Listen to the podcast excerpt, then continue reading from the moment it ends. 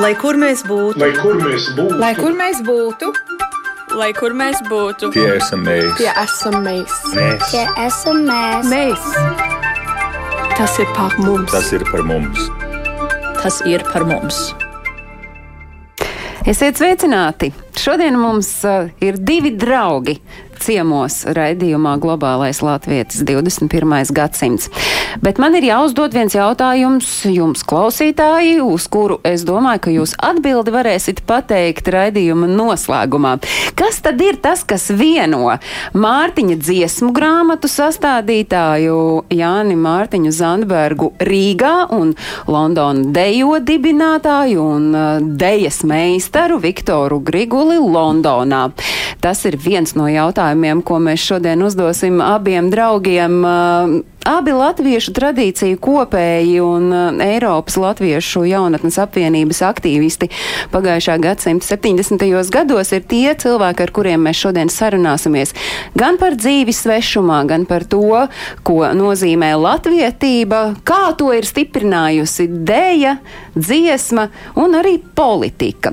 Es atgādinu, ka šis ir redzījums, kuram jūs sekot līdzi varat uh, Latvijas radio mājaslapā, arī radio YouTube kontā, un es mudinu jūs izmantot iespēju Latvijas radio viens mājaslapā uzdot jautājumus šodienas ciemiņiem, sūtot uh, to kā tiešo ziņu raidījumam, kas šobrīd skan ēterā, un tas ir raidījums Globālais Latvijas 21. gadsimts, un es saku labdien šeit klātienē Rīgā Jānim Mārtiņam Zandbergam, šeit studijā, labdien! Labdien!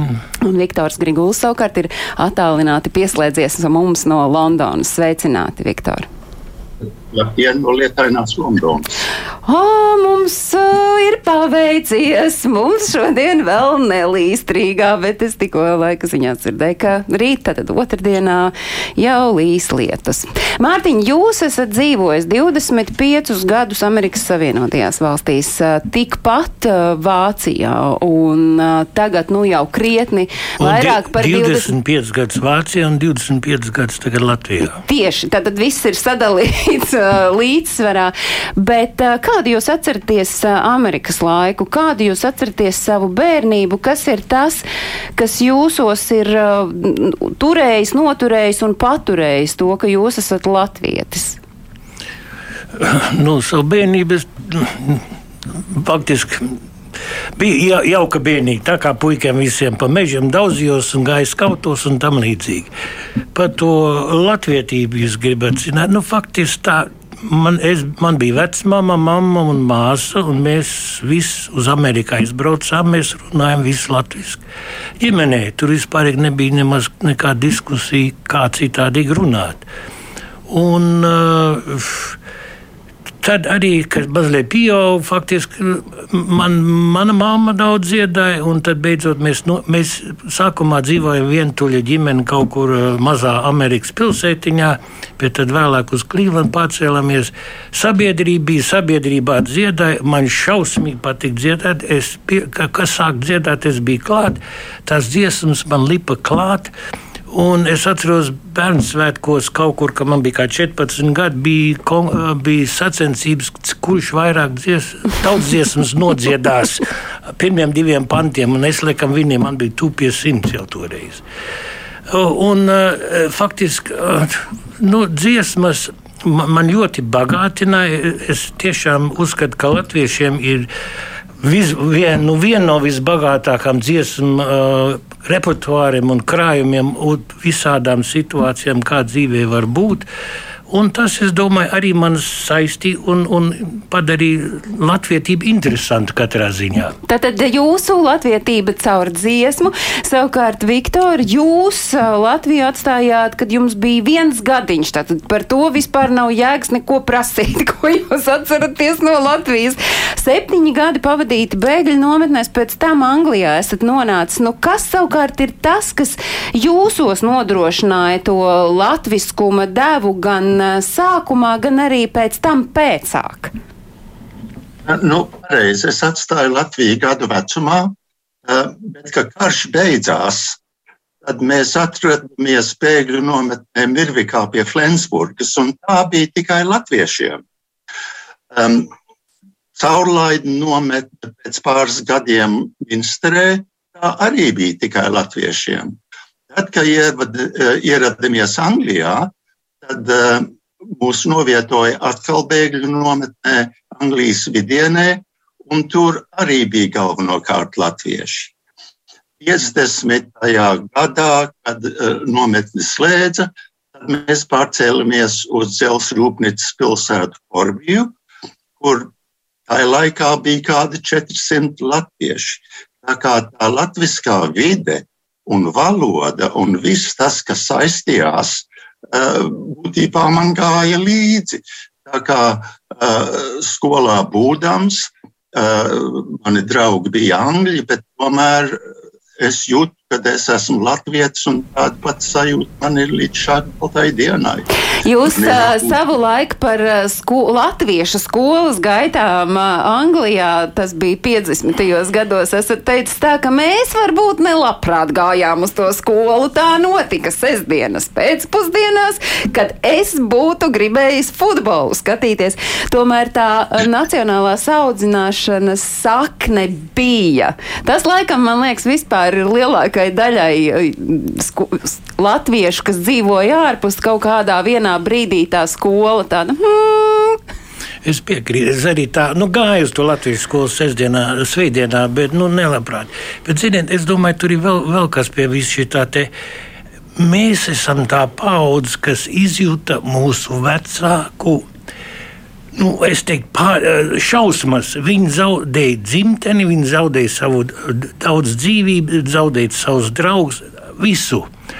Un es domāju, ka tas mums, un es nezinu, Viktor, tev, es domāju, arī tas. Mēs kļuvām politiski no uh, 12 gadu vecumā. Es jau gāju demonstrēt Amerikā. Un es domāju, ka tas, ka tas uh, bija šausmīgi pārdarījums latviešiem, un to mēs kaut kādi gribējām kaut kādīgi atspēkot. Nu, proti, parādīt pasaulē to pārestību, un tāpēc uh, jūs abi divi bez uh, dziesmas un dējas arī uh, nonācāt politikā, jo tā bija tā iespēja uh, gan noturēt visticamāk to savu stingro mugurkaulu, gan arī parādīt plašajai pasaulē, kas tad patiesībā ar tiem latviešiem ir noticis. Tā ir, Viktor, tā jūsu nonākšana uh, politiskajā mm, laukā, bet saistībā ar latvietību. Um, jā, nu, ja runā par to latviešu skolu, tad uh, uh, es labprāt uh, gribēju skatīties futbolu, bet, kad bija jāiet uz skolu, bija jāiet. Um, viens plus latviešu skolā jau ir tas, ka tu veido draudzību.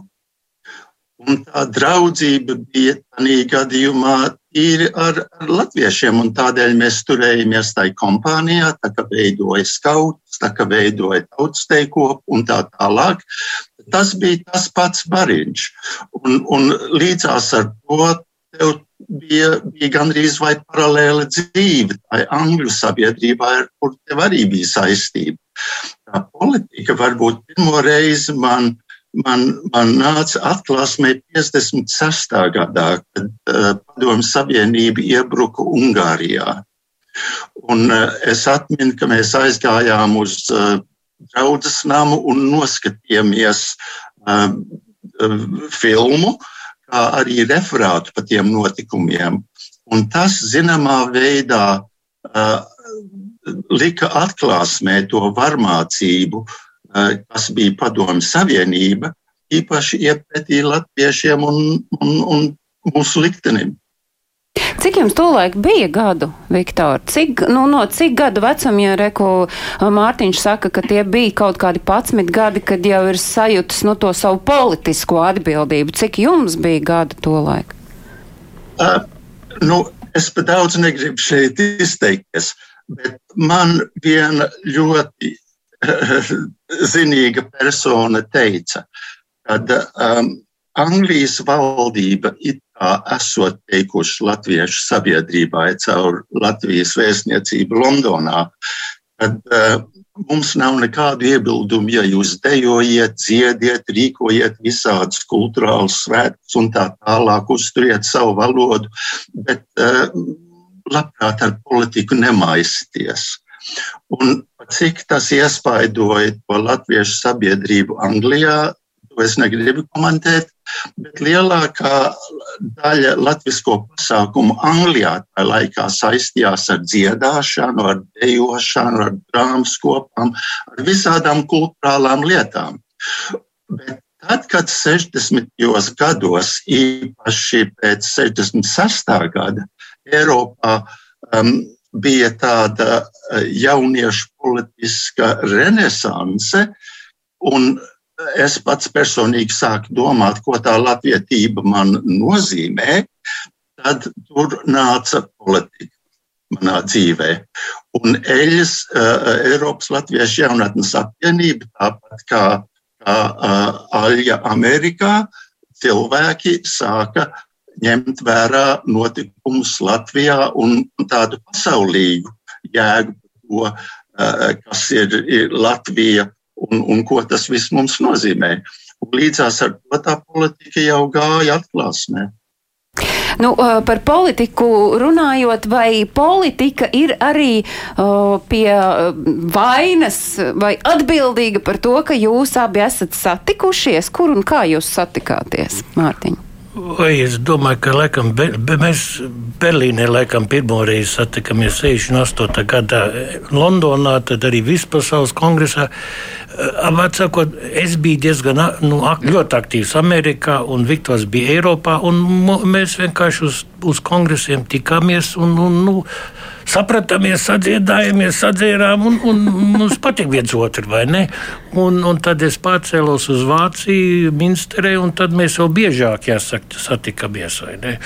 Un beig, beigās Viktors ar, ar sievu bija mūsu vedēji pāris arī, vai ne? Un viņš, laikam, arī pirmo meitu uztaisīja mūsu kāzās, ka es priecājos, ka tas izdevās.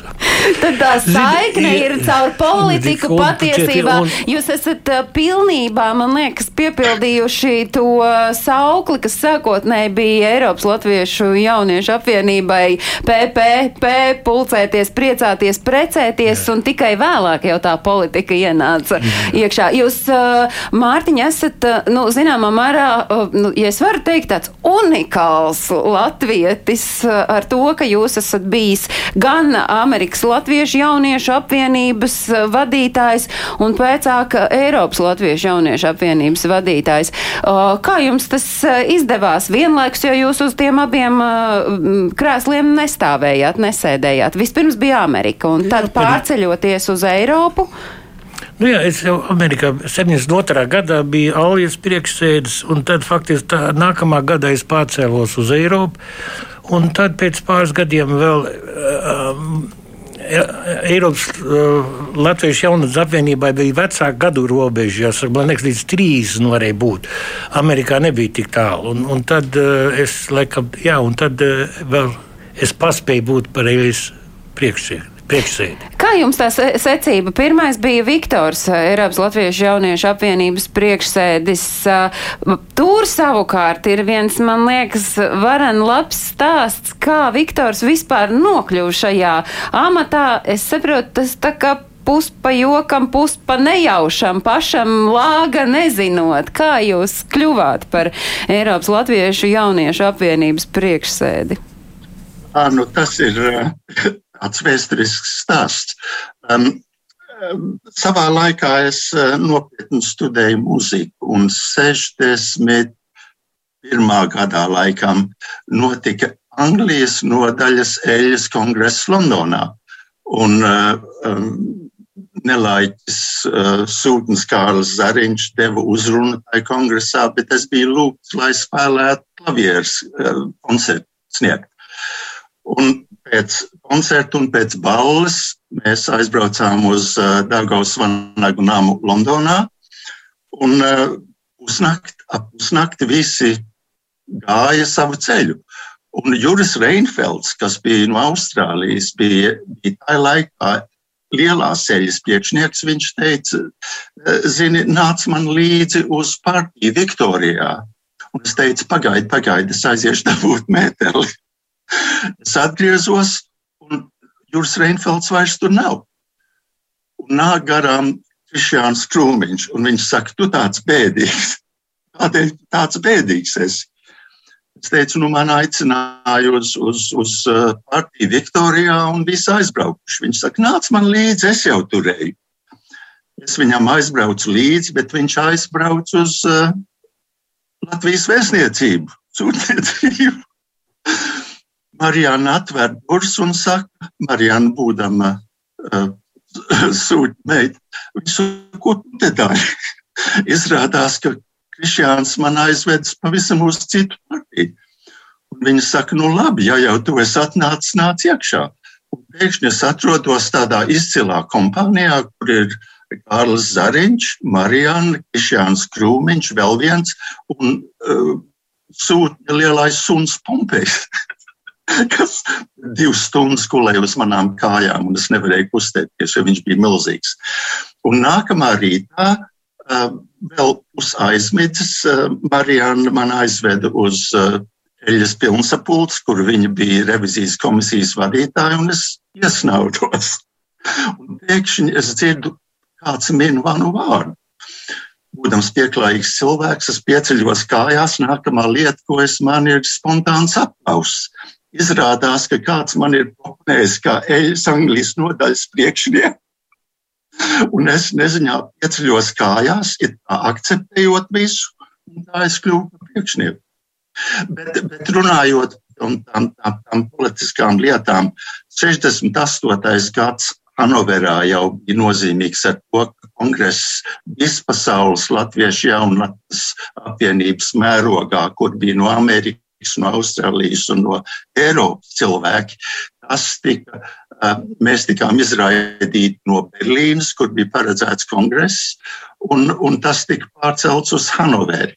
Un līdzās ar to tā, tā uh, saliedēšana starp visām jauniešu apvienībām pasaules mērogā kļuva, kļuva daudz ciešāka. Mārtiņu es tā īsti iepazinu 70.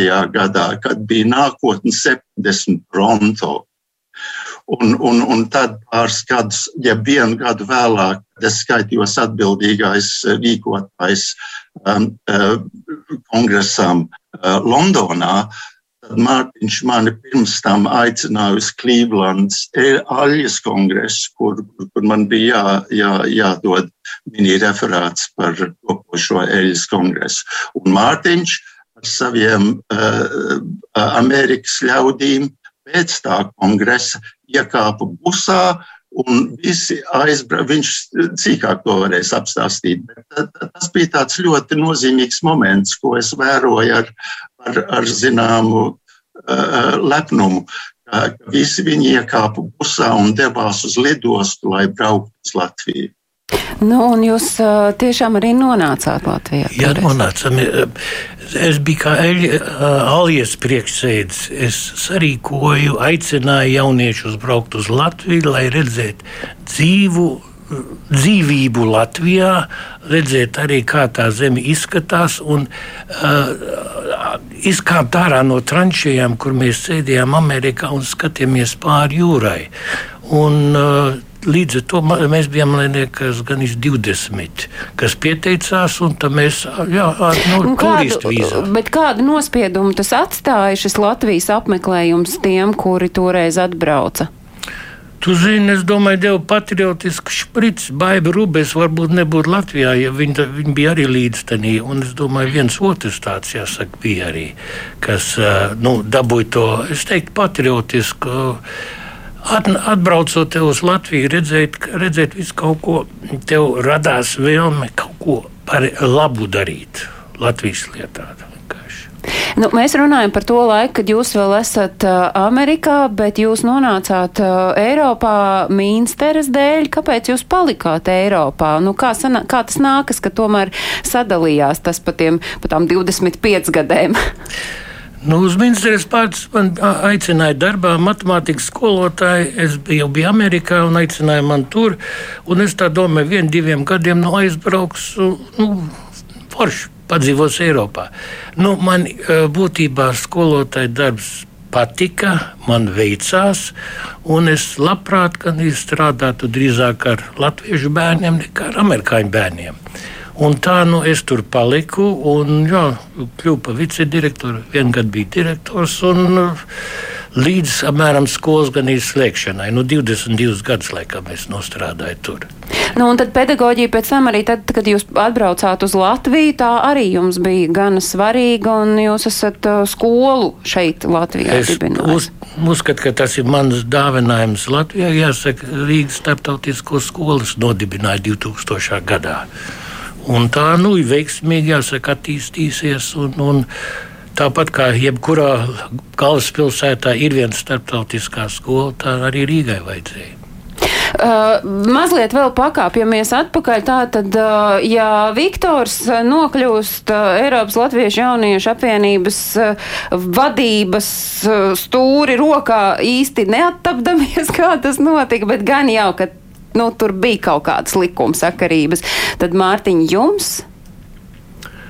Kā es nok nok nokļuvu? Jūs domājat, Amerikā vai Eiropā? Eiropā? Faktiski nu, bija tā, ka daudz jau tie gribētāji vispār nebija. Un, uh, Kāpēc? Nu, tas ir drusku tomēr atbildīgs. Tas jau nav atalgots darbs nekādā ziņā. Tev ir uh, jāmēģina vadīt to un, un aktivizēt jauniešu sarīkojumus, rīkot un tam līdzīgi. Un arī īstenībā uh, politisks. Uh, Šo, šo to politiski arī jā, jādara. Un, nu, vienkārši cilvēki ērti, slinki, labprāt atbrauc uz kongresu, pats iet, iedzer un tam līdzīgi jauki, vai ne? Bet, nu, ka uzņemties to atbildību, kāda es negribu. Nu, bet es, jūs to gribējāt, vai, vai es, tas vienkārši nu, tā ne, es domāju, ka es jūtu to pienākumu, ka tanī gadā ne, nekas nebūs, nu, arī es vēl varu, vēl vienu gadu varu. Tā. Un kas ir tāds nu, katram no jums, tas, no tā laika, kad jūs esat bijuši uh, Eiropas Latviešu jauniešu apvienības vadībā, nu, tādi jūsu varbūt spilgtākie mirkļi, mm, nezinu, lielākie panākumi, varbūt, tas nebūtu gluži precīzi, bet kas ir tas, par ko jums pašiem šķiet, jā, nu, to mēs labi izdarījām? Viktor. Um, kas, re, redziet, pamats jau visam man personīgi bija atrast uh, savu latvietību. Un tā kā tie 70. gadi, uh, um, uh, jā, 70.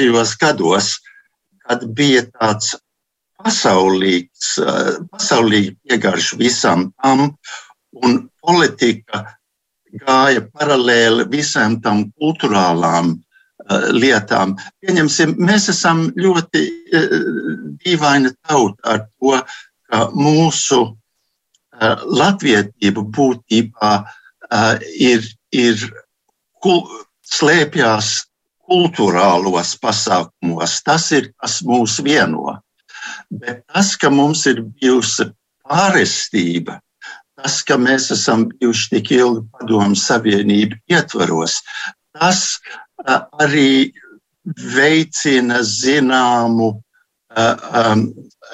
pretestību un cīnīšanās sajūtu pret lietām, kas ir netaisnīgas. Un, un fona, kas tajā laikā bija pasaules apmērā, kad cilvēki sāka, sāka pretoties pret esošām iekārtēm un mēģināt atrast eh, tādu nozīmīgāku identitāti.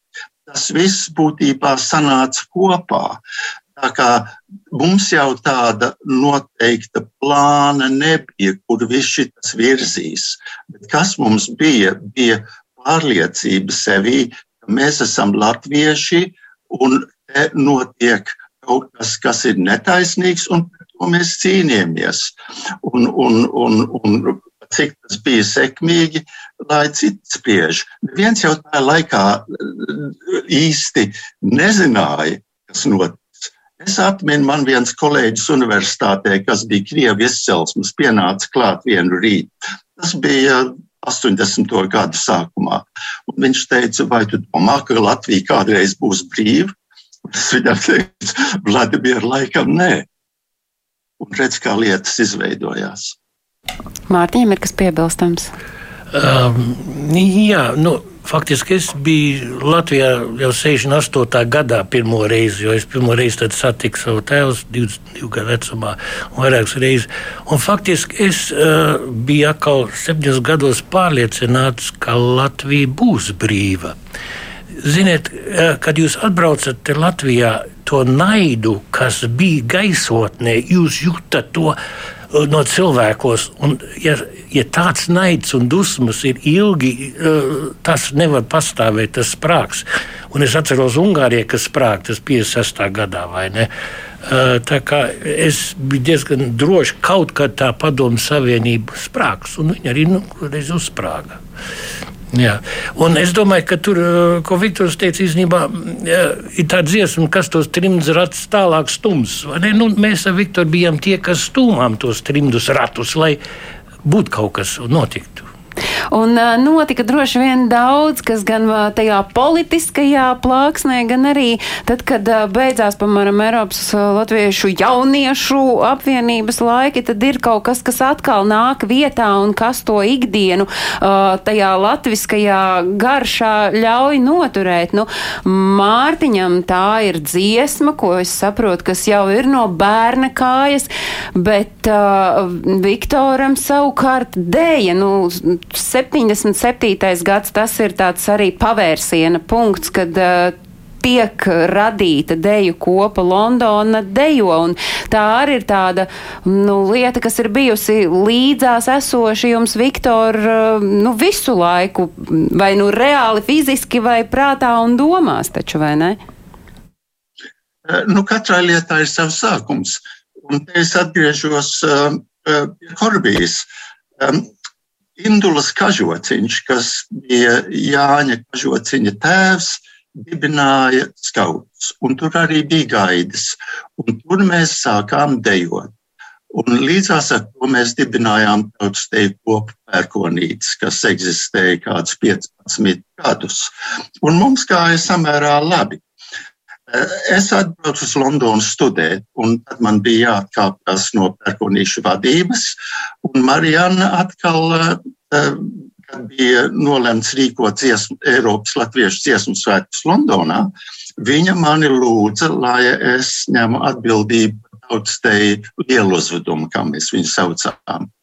Un, un tad es domāju, nu, Londonā studēju vairāk no Anglijas ziemeļiem, kas savā laikā ir, ir dejojuši.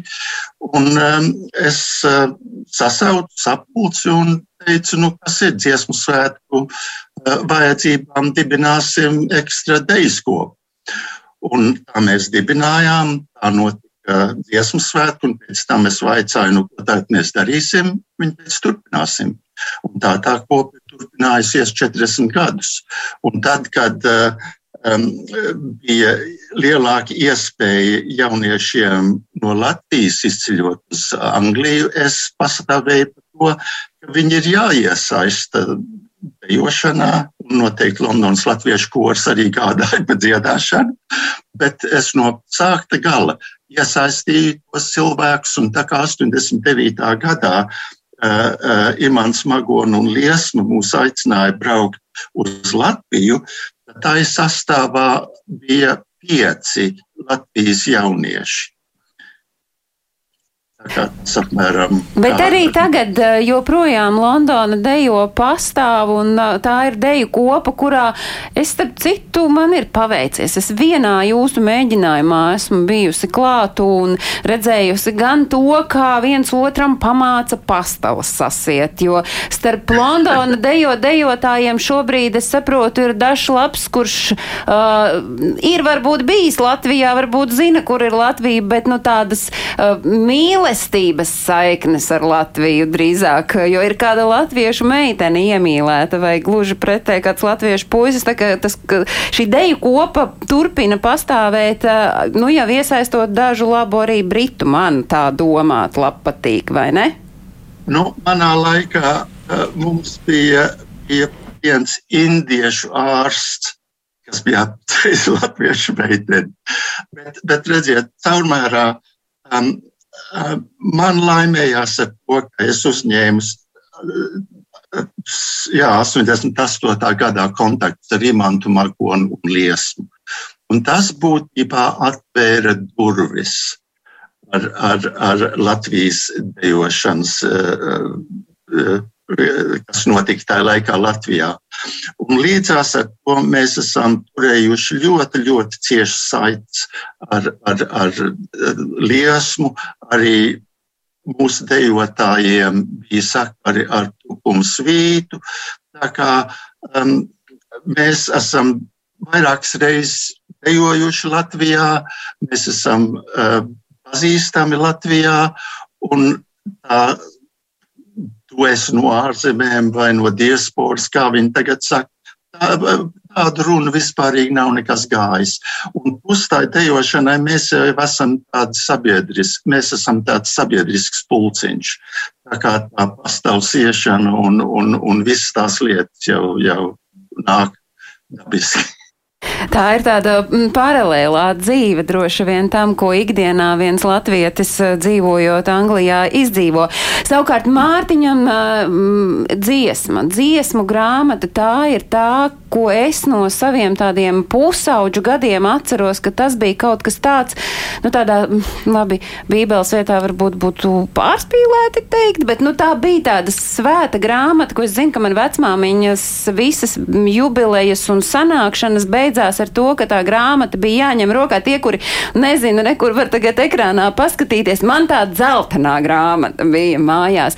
Mārtiņa, kā tapa tā dziesmu grāmata, jo skaidrs, ka līdz mums tā grāmata nonāca kaut kādos 80. beigās, tas, kad tā atmoda. 88. Jā, gadā, jā. Bet uh, jūs izdevāt to jau 72. gadā. Kā tā grāmata tapa un kāpēc? Jo skaidrs, mēs uh, Latvijā to grāmatu tolaik, un es pieļauju arī šodien izmantojam tāpēc, ka mēs sodīts labi, ja piedziedājam kādām tām dziesmām, zinājām, un vajadzēja kaut ko, kur pieķerties. Nu, jā, nu, bija sabiedrībā liels dziedātājs, un, un ar laiku cilvēki teica, nu, man jāizdod grāmatu beidzot, lai mēs varam dziedāt tev līdzi. Nu, es domāju, domāju, faktiski, un arī manī, ka trimdā jau tā dziedāšana mazliet noplaka arī nu, dziesmas vārdus nezināju, un tad es tomēr uh, kaut kādīgi iedvesmots, tomēr ķeros klāt un, un, un, un, un savācu tādu. Kā jūs savācāt? Kā tas notika? Jūs uh, ņēmāt kaut kādus jau savāktos pierakstus vai tomēr braucāt pie cilvēkiem, uzklausījāt? Es braucu pie cilvēkiem, bija jānoliek pudeļu galdā, lai viņš pārvarā, pārvarētu kautrumu un tad drusku sāk dziedāt. Un, un e, man jāsaka, to pirmo dziesmu grāmatu es zināju no galvas. Es iznībā visas tās dziesmas kaut no kāda noklausījos vai vai iemācījos. Un, uh, Viņa uh, to otro grāmatu izdevu, uh, jā, laikam bija kādi 6, 7 gadi vēlāk. Bet par to Bībeli, zinu, piecīšiem bija tāds joks arī, kad nākošos dziesmu sētas rīko hotelī jābūt vienmēr Bībeli un Mārtiņa dziesmu grāmata arī katrā istabā. Uh, Nu, es priecājos par to, ka cilvēki lietoja. Tā bija tā mana ideja, tā dziesmu grāmata izdot, lai, lai tās latviešu dziesmas, ko es uzskatīju toreiz kā zelta repertuāru, ko nu, es iemācījos trimdā no tiem cilvēkiem, kas no Latvijas izbrauca. Un, uh, Tā laika es manīju, ka arī Latvijā viņa uh, ir populāra. Man vienreiz neielaida Latvijā domāju. iekšā, jo man bija divas līdzi, un man uh, Tallinā sūtīja atpakaļ. Uh, kad tur bija tāda dziesma, kur skrandās tēpta čigāni, ir tādas dziesmas, pie viņiem nedzied un tam līdzīgi. Bet pa, pa, pavisam pa kreisi tāda pap, ar, ar mīkstiem vākiem tā grāmatiņa. Kāpēc tā, tā bija domāta, lai es tiekšā Latvijā kabatā, jāsaka. Tāpēc izdevu to, to arī nu, pēdējos gados, jāsaka. Un tad 88. gadā es sastapu ar grāmatu izdevējiem un, un jā, izdevu. Nu, Viņi bija mieri, ļoti mieri izdot to grāmatu? Un 40 tūkstoši eksemplāros laikam viņi izdeva Latvijā. Jā, nu un tad tie, kam paveicās, pie tiem tā grāmata nonāca. Nu, es tomēr gribu, jūs man esat tā kā atbildējuši, bet es vienalga varbūt vēl tā tiešāk pajautāšu, nu kā tas nākas, ka viens fiziķis uh, skatos uz uh, Viktoru un viens matemātiķis skatos uz Mārtiņu, tomēr ir nu tik ļoti dziļi tajā kultūrā, dziesmā, dejā, katrs tajā savā? Nu, mēs taču cilvēki esam, mums vispusīgi esam. Nu, es arī, teiksim, klavieres mācījos, vīlo mācījos, nu, un mūzikā, mūzika man arī patika, vai kā. Nu, matemātika, to, tas bija, kur maizi pelnīt, un tas pārējais bija dzīvē, jāsaka, ko bagātina, kas bagātināja dzīvi. Un es teiktu, es esmu priecīgs, ka es nekļuvu par amerikāni, jo es domāju, ka man dzīve būtu bijusi garlaicīga pal, pal, būt, nu, kā Latvijas, man ir bijis ļoti krāšņa un interesanta dzīve, ko es priecājos. Viktor? Uh, jā, nu, es jau pelnīju maizīt, sniegdams lekcijas Londonas Universitātē ķīmijas fakultātē. Tā kā tas jau ir samērā tālu atdalīts no, no, no muzikas un tā tālāk. Kaut arī uh, muzika man ir, domāju, asinīs. Runājot to dziedāšanu un dejošanu, redz, tā jau ir. Tā, tā, tas jau ir tas mūsu mugurkauls. Es atminu, 66. gadā bija Eļas kongress Beļģijas jūrmalā. Dunkarkā. Un tā laikā tur bija krāsas, strīdas un referāti starp, starp tādiem, kas bija varbūt kreisi noskaņoti, kas gribēja aģitēt un, un tā tālāk. Un tā tālāk. Un tad vienu vakaru mēs sēdējām uh, jūras krastmalā, uh, smiltīs, man bija akordeons, un gandrīz visi kongresa dalībnieki sēdēja uh, visapkārt un dziedāja. Un viens no lielākiem dumpiepiem man pienāca klāt, un viņš teica, tu zini ko, tu esi visus te savienojis. Un, un tad es domāju, Tā ir tiesa. Ne jau ka es būtu savienojis, bet tas, ka bija dziesma, tas, ka mēs gājām rotaļās, un es arī vēroju, ka beļģi, kas gāja suņu pastaigā pa pludmali, viņi arī apstājās un skatījās un domāja, kas šie cilvēkiem. Un tur bija tāda vienotība, un kas mūs vienoja? Dabiski latvietība, bet tā latvietība izpaudās gan dziesmā, gan rotaļā. Tā kā neraugoties, kur mēs esam pasaulē, tā dziesma, tie dziesmas vārdi, viss tas noskaņojums, tas iet roku rokā ar mums.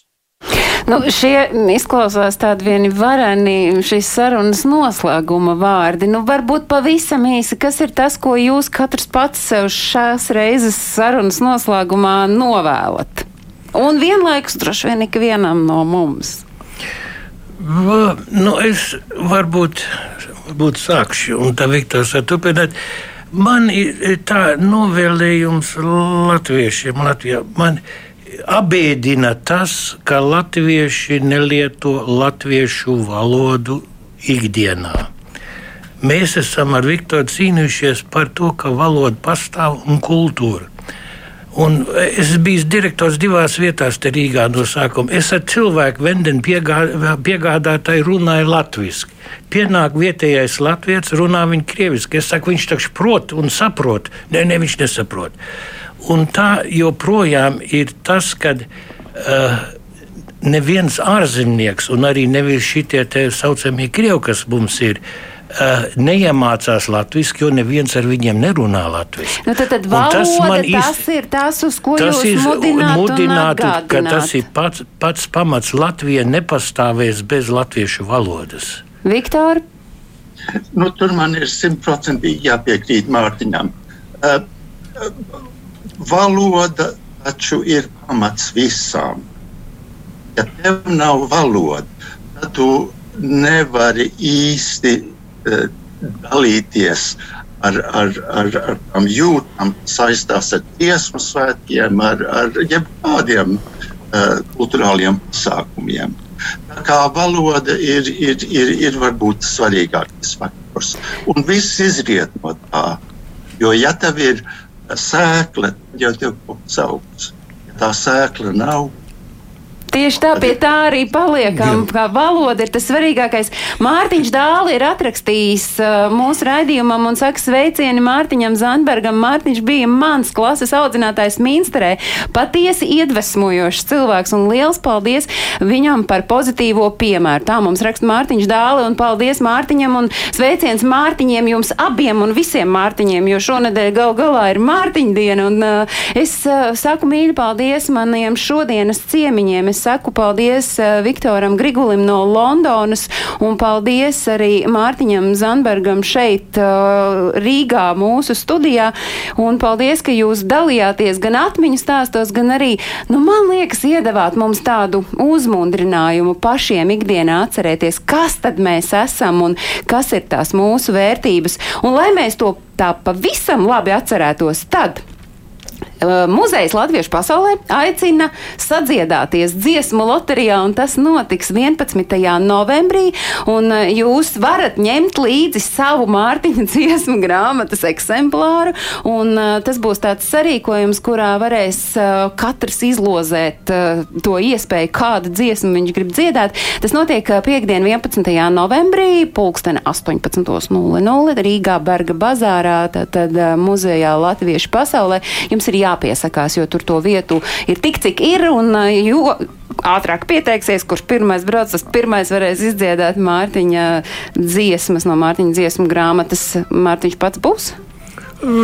Es droši vien. Jā. Tā tad varēsiet arī vienu no šodienas sarunas ciemiņiem satikt. Es saku paldies jums, gan skatītāji, gan klausītāji, ka bijāt kopā ar mums. Es atgādinu, ka visus tos svarīgos notikumus, kas ir aktuāli latviešiem dzīvojot ārpus Latvijas, jūs varat meklēt portālā latviešu.com. Mūsu raidījumu jūs klausieties atkārtojumā katru svētdienu uzreiz pēc ziņām trijos, bet Latvijas radio mājaslapā un YouTube kontām meklējiet 24.7, kad vien ienāk prātā skatīties mūsu raidījumu. Paldies, ka! Skatījāties un klausījāties. Paldies, ka atnācāt ciemos un tiekamies citu dienu. Atā!